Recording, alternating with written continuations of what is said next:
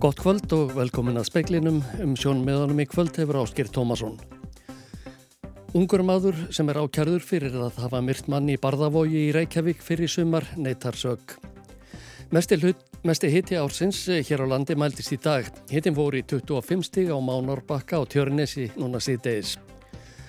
Fórsiti Úkrænu ætlar að sjá til þess að eftirlitsveit alþjóða kjarnorkumálastofnunarinnar komist að kjarnorkuverinu í Saboritsa. Öll aðildarfélög bandalas háskólamanna koma sameinuð við að samningarborði við upphafi kjara viðræðina í árafsækið. Að minnstakosti 30 létust og á 700 særðust í blóðugum óverðum sem brutist út í Bagdad höfuborg Íraks. Það, það færist í aukana að fólk reyni að smikla fíknefnum innvortist til Grænlands. Magnús Aron Magnússon sem ákerður er fyrir að myrða mann í Barðavogi í Reykjavík í byrjun júni neytaði sök þegar mál ákerðu valdsins gegn honum var þingfest í hérastómi Reykjavíkur í dag.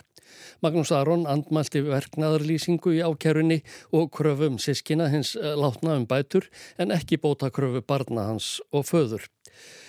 Málinu var frestað þar til mat á sakhæfi hins ákerðalikur fyrir. Viðbúið er að það verði á næstu dögum. Á kæra á hendur Magnúsi Aroni var gefin út í síðustu viku og þá var gæslu varðhaldi yfir honum jáfnframt framlengt um fjórar vikur. Tólf vikur voru á sunnudag liðinar frá því að hann var upphaflega úrskurðaður í gæslu varðhald.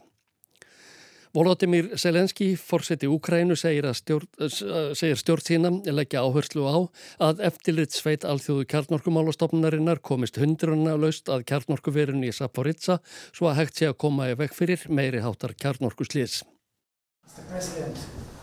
háttar kjarnorkuslýs. Selenski hitti sveitina í kænugarði í dag. Rafael Grossi, framkvæmdastjóri stofnunurinnar, fer fyrir hópnum. Rússar og úkrænumenn hafa sagað hvorir aðra um árósir á og við kjarnorkuverið undanfarna daga. Þetta er stærsta kjarnorkuver Evrópu og hafa ríkinn tvö, auk alþjóða samfélagsins, líst þungum áhegjum af mögulegu kjarnorkuslisi. Á fundinum sagði Selenski að öryggismál kjarnorkuversins væru eitt allra mikilvægasta málefnið um þessar mundir. Hann ítrekkaði ákall Ukrænustjórnar um að rússar yfirgefu verið hið fyrsta. Атомностанція знаходиться на території України, є українською власністю, є абсолютно контрольованою безпековою, контрольованою упродовж багатьох років українськими спеціалістами. Selenski saði að kjarnorku veriðu væri í Úkrænum.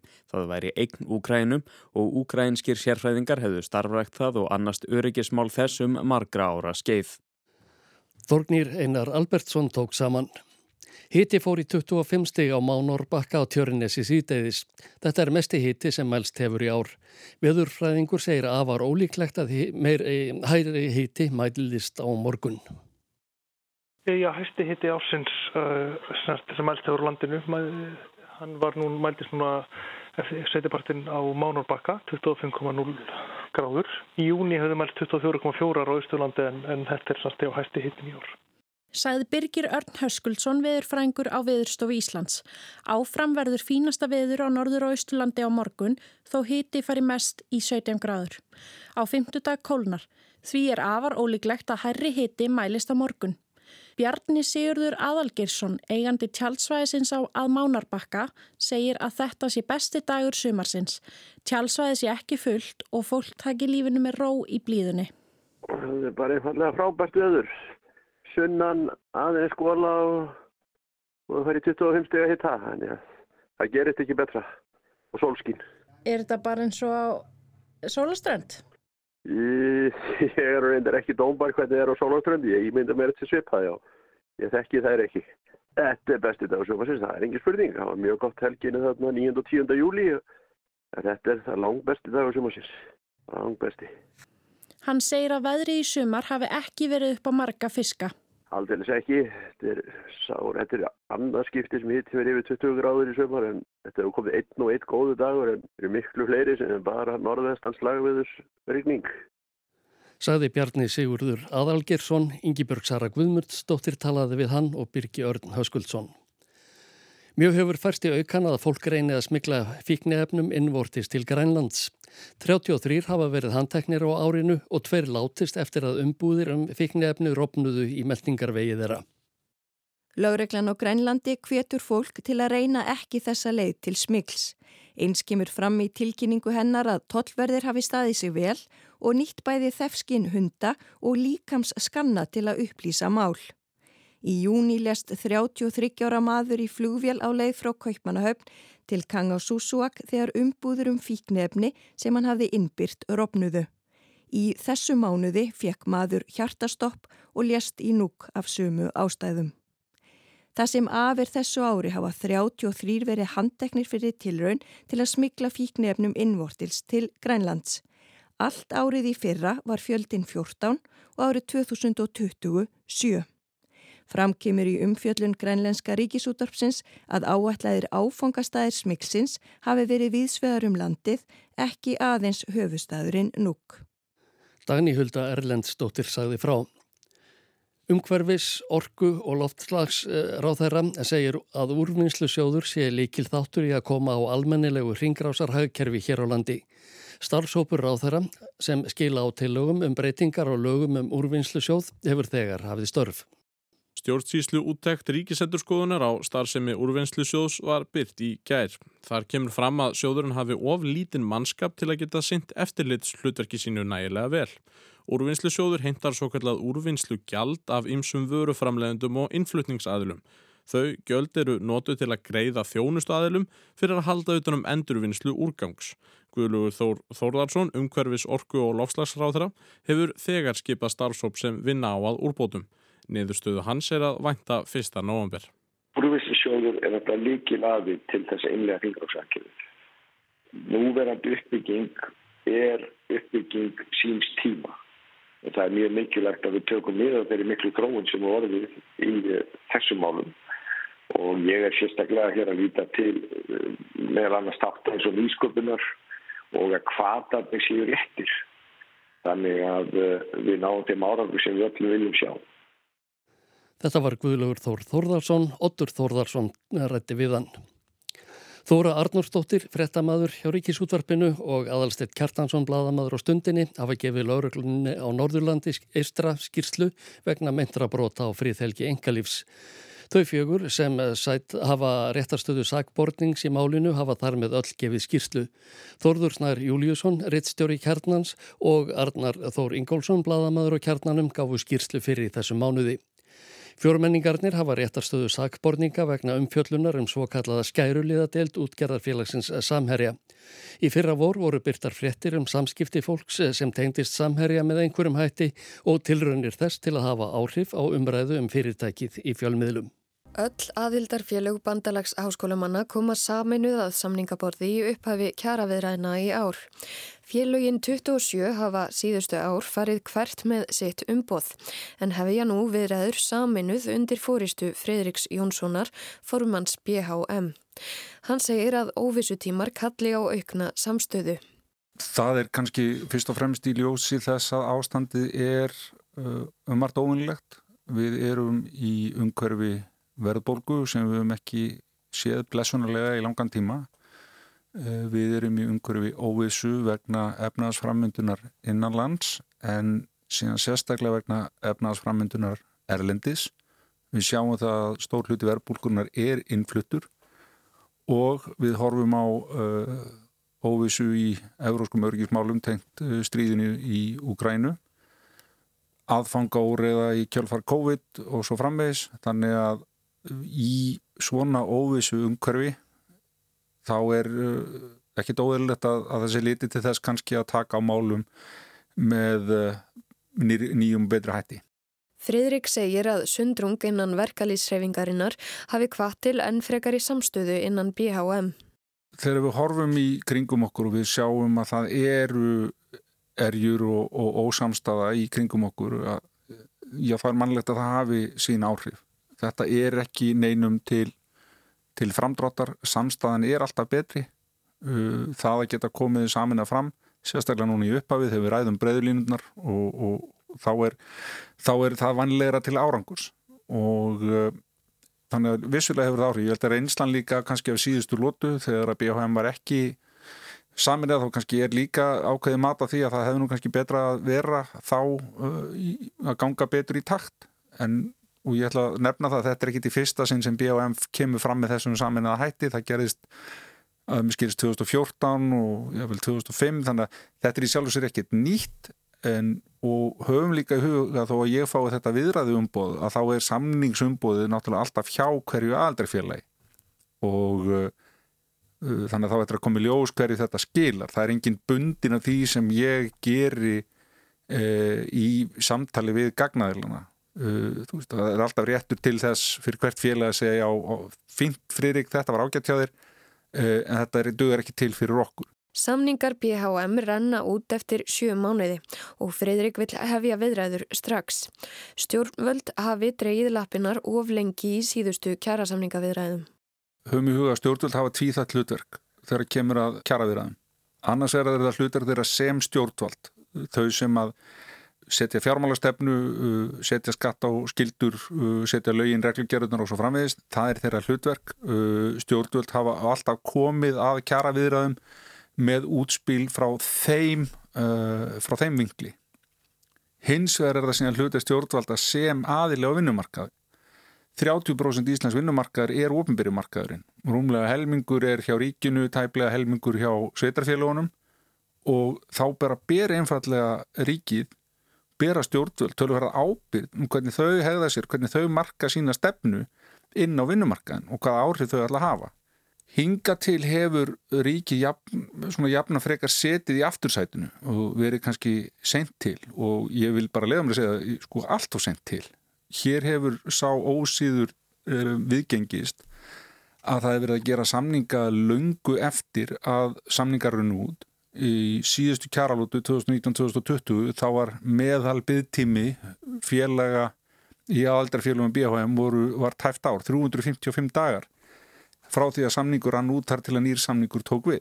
Þetta kostar. Þetta kostar í vinnustundum bara bæði hjá samningsaðilum, hjá okkur í, í stjættafélagunum og heldarsamtökunum og hjá, hjá gagnaðalunum líka. En þetta kostar líka fyrir okkar, okkar umbjóðundur það að býða þetta lengi eftir nýjum samningi jáfnvel þó að samningur sér látin gilda frá því að fyrir rann út að það fælst í þessu kostnaður. Síðast var hann um 2,5% ef við reiknum hann uh, fyrir þessa lengu byð ef að sambarileg byð verður í, í þessari lótu í þetta mikill verðbólgu þá eru að tala um hvað? 15-20% kostnað. Það er semst kaupmáttar bruna sem verður á þessum langa tíma frá því að síðasta kauphækun koma á ofnbæra markanum síðustu áramót og þar til að nýjir samningur tekur gildi mm -hmm. og það er óasettanlegt. Já, þannig að það er á, á þér að skilja og þú er svo sem sagt að annars það er að þú vilt hefja þessar samningaveiraður strax. Býstu við því að það verði langdregnar? Ég óttast það svolítið uh, og þá aftur uh, af því að þú spurðir hér í upphafu um hvort að áhrif, uh, það veru áhrif af stöðu hjá uh, innan uh, annara hildarsamtinga hefði áhrif okkur og þá erum við náttúrulega sjálfsög að tala um þær deilur sem hafa verið innan alltíðisambansins að emmitt í því ljósi og ég hef nefnda áður ef að almenni markaðurinn er ekki að ráða við verkefnið þá verður kannski að grípa til að ónilur að lausna. En sama hvað uh, þá held ég að við þurfum að taka þetta samtal á stóruborði, við þurfum að taka það miklu meira saman. Það er ekki eðlilegt að tveir aðilar á, á vinnumarkaði þar að sé alltíðisambandið og samtök atvinnulífsins þegar þau taka þá ábyrð að vera á undan að niðurstaðan úr því verði síðan að stilla öllum öðrum einhvern veginn fyrir vegg hvort sem það er BHM, BSRB, kennarasambandið óháð félög, uh, ríkið og sveitarfélög. Uh, við sáum það í lífskjara þó að það var í mjög ákveði niðurstað þar að þar var gífuleg pressa á alla aðra að þeirra kröfur myndu passa innan í þann eh, ramma sem þar var búin til. Við höfum beinlýnis í BHM verið ásökuð um það af, af sumum að við höfum svindlað á lífskjærasamninum af því að í framkvæmt okkar á lífskjærasamninum að sjálfsögðu leitustu eftir því að fá hérna í framkvæmtinni fram ákvæmlega hluti sem gerðu það verkum að við værum ekki beinlinis að semja um uh, kaupmáttar samdrátt og kjararýrnum fyrir okkar uh, aldarfélug og, og okkar félaga. Katrín Jakobsdóttir, fórsætisráð þeirra, segir að húsnæðismálinn hafi verið og verði áfram í aðalhutverki í aðkomu stjórnvalda að kjaramálum. Já, stjórnvöldu eru þetta annars verð viðsemjandi við þau félag sem eru á operumarkaði, það er að segja starfa hjá ríkinu og hins vegar eru við þetta bara í raun og veru til hliðar þegar kemur á samningum á almennu markaði, þar eru það auðvitað atvinnureikundur og verkefliðsreifing sem sýtja við borðið. Við komum auðvitað með myndalegum hætti inn í síðustu samninga, lífskjara samningana og við höfum verið á vettvangi þjóðhagsrás að ræða hvað það er í raun og veru sem brennur á fólki aðilum vinnumarkarins. Uh, Svo vinna sem við hefum lagt í húsnæðismálum er beinn afrækstur þeirrar vinnu og ég held að það verði nú kannski eitt svona stærsta lífskjara mali til lengri tíma. Það er hvernig okkur tekst til að halda áfram að byggja upp félagslega lausnir á húsnæðismarkað og tryggja þannig öryggi fólks þakk yfir höfuði til lengri tíma. En síðan eru þetta ymsir aðri þættir sem við erum með til skoðunar í því. En mikilvægast er þetta að þau sem sita við samningaborði geti náð saman um farsala lausn. Hún segir lífskjara samningana hafa verið farsæla. Já, ég tel að lífskjærasamningunum hafi reynst vel. Ég held að hann hafi tryggt lífskjör fólks uh, og ekki síst tekjulegstu hópana uh, vel og við sáum til að mynda kaupmáttaraukningu hér gegnum heimsfaraldur sem þetta var, já, ég vil ekki segja einstakt en var nokkuð einstakt þegar við skoðum svona ríkin í kringum okkur. Þannig að ég tel að þetta hafi verið farsalega samningar. Fredrik segir að lífskjærasamninganir hafi ekki þjónað félögum í bandalagi háskólamanna.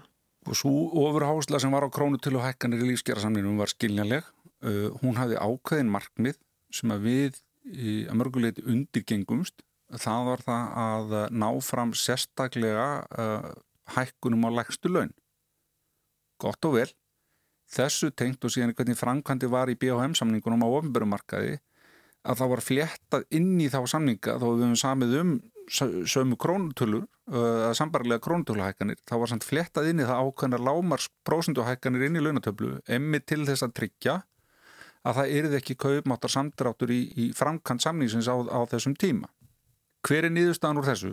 Jú, að því að við erum að tala um uh, hjá okkar hópi, hjá BHM, þar erum við að tala um millitekjuhópa og öfru millitekjuhópa sem að verður líka að, að undirstryka eru þau sem borga hér mestu skattana halda upp í velferðarkerfinu, fá minnst úr millifærslukerfunum, úr barnabótum eða húsnæðisbótum eða, eða, eða hvaða nafni sem það nefnist. En þegar, þegar þetta er tekið og þú horfir á hverjar kaupmátaþróunin og með markmið lífskjærasamningana, þá náðu lífskjærasamninganur óneitilega markmiðið sínum en þess að það var umtalsverð umfram hækkun og þannig erum við eftir að tala um í prósentum í kaupmáttaraukningu á lagstu launum. Kaupmáttaraukning á millitekju og efru millitekjuhópum hún varð ekki nærið því eins mikil og í ljósi verðbólgu þróunarinnar þá er hún í reynd farin að standa í stað og er jáfnvel að fara að vera það neikvæð þegar kemur að lókum kjara sannins tíma og þetta er bara það sem við þurfum að passa upp á ég get ekki hort framann í mína umbjóðundur og sagt þetta sé bara sjálfsagt að þið sættið ykkur við þessa kjara rýrnun uh, án þess að við reynum að grípa til einhverja gagnaðgerða segir Fridrik Jónsson, formadur BHM. Áður var talað við Katrínu Jakobsdóttur, forsættis ráðara. Hafdís Helga Helgadóttir tók saman.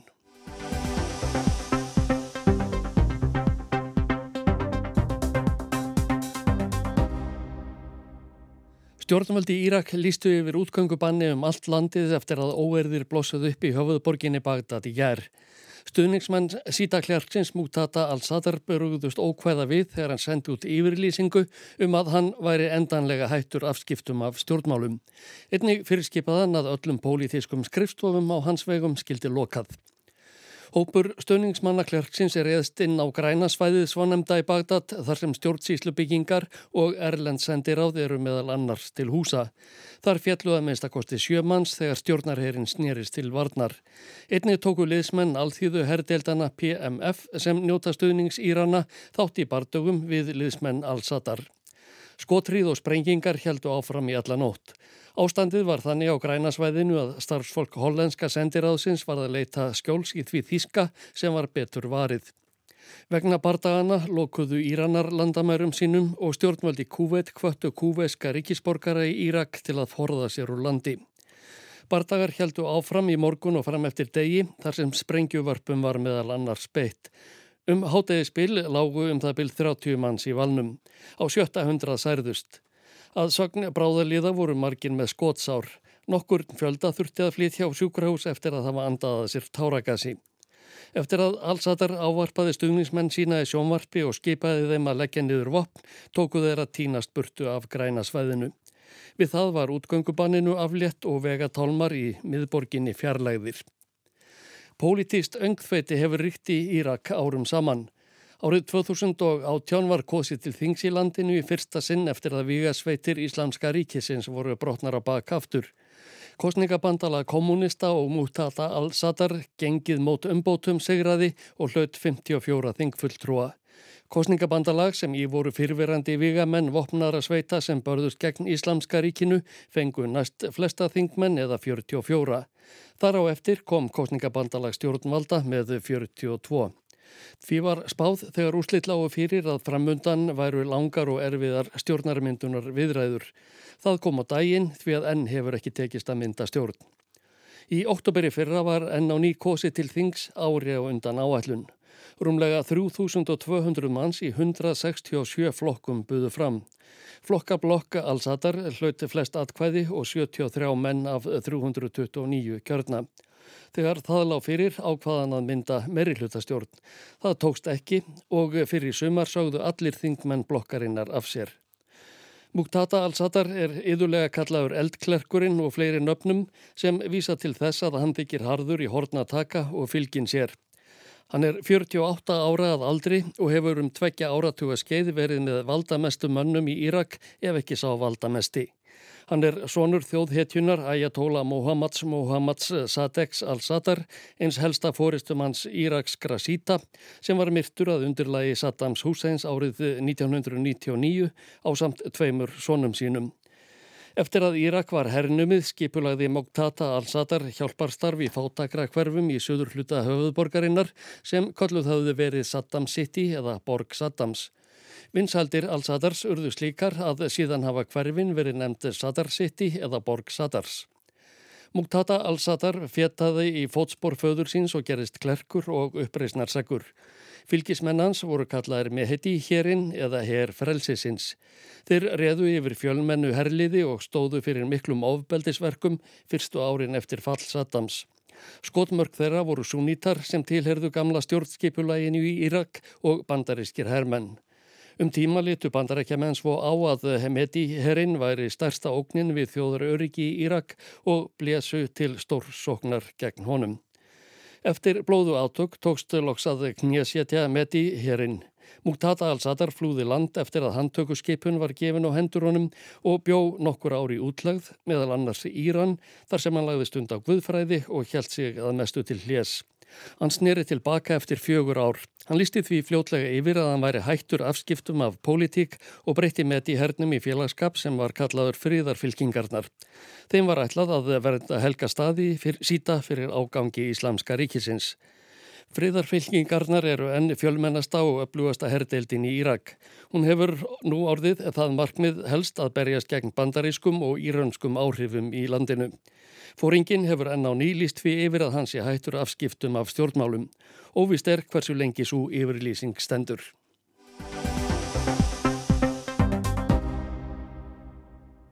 Reyndir að fá fólk til að hverfa frá samkynneið og fara aftur inn í skápin í fjölda trúfélaga í Svíþjóð. Bælingar meðferð eins og hún hefur verið nefnd hér á, landi, hér á landi er bönnuð með lögum í Þískalandi og rætt hefur verið um að banna hana bæði á Íslandi og í Svíþjóð. Kári Gilvason í Gautaborg tekur við. Sænska dagblæði dagans nýheter byrti nýlega fréttir upp úr rannsókn sinni á omvendelsi terapýr. Það er að segja umbreytingar meðferðum eða bælingar meðferðum eins og þær hafa líka verið kallaðar. Þær ganga út á að reyna að láta hinsegin fólk hætta að vera hinsegin eða að minnstakosti fara aftur inn í skápin. Blaðmaður dagans nýheter vildi á sér heimildir, sagðist vera samkynneður maður að nafni Júsef og sendi tölvupósta til 20 trúarhópa hér í Svíþjóð, bæði Kristinasöfnuða og Moska. Þar sagðist hann laðast að öðrum karlmönnum. Hann skammaðist sín og hefði áhyggjur af því hvernig þessu eriði tekið af vinum og fjölskyldu og spurði hvort eitthvað væri hægt að gera. Júsef bárust nýju sör. Eitt þar sem honum var sagt að það væri ekki góð hugmynd að reyna að breyta kynnið sinni. Í hinnum áttasörunum voru ráðleggingar um hvernig Jósef ætti að umbreyta sér, meðal annars með því að byggja, breyta lífverðni sínu, breyta fatastíl og því að hætta að umgangast ákveðið fólk. Þegar bladmaður dagins nýheter rætti við forsvarsmenn þessara trúarhópa, hjælt þetta áfram. Jag vet 20 personer som har, som har uh, haft samma dragningsförbud som inte är det längre. Jag vet, jag vet sådana som har barn, familj. Det finns ingen, du skulle aldrig kunna se det.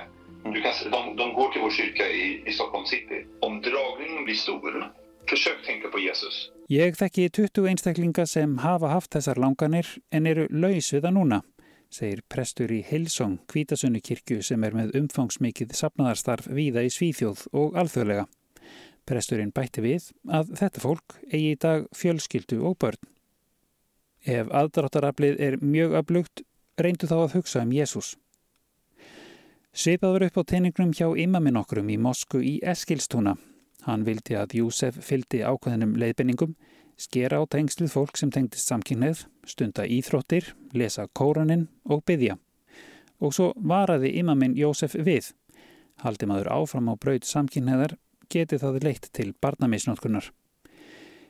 Hjá Vottum Jehova hitti Jósef svo Öldung, mann í leiðtóðstöðinan sapnaðarins, sem sagði honum að þess væru ótal mörg dæmi að fólk sem væri samkynnegt eða klæðskiptingar hafi geta farið að lifa venjulegu lífi eins og öldungurinn orðaði það. Hann mælti með biblíulestri. Annar safnarmeðlimur varaði Jósef við því að samkynneið væri ekki guði þóknanleg. Þeir sem stundi samkynneitt lífverðni, þeir erfi ekki guðs ríki.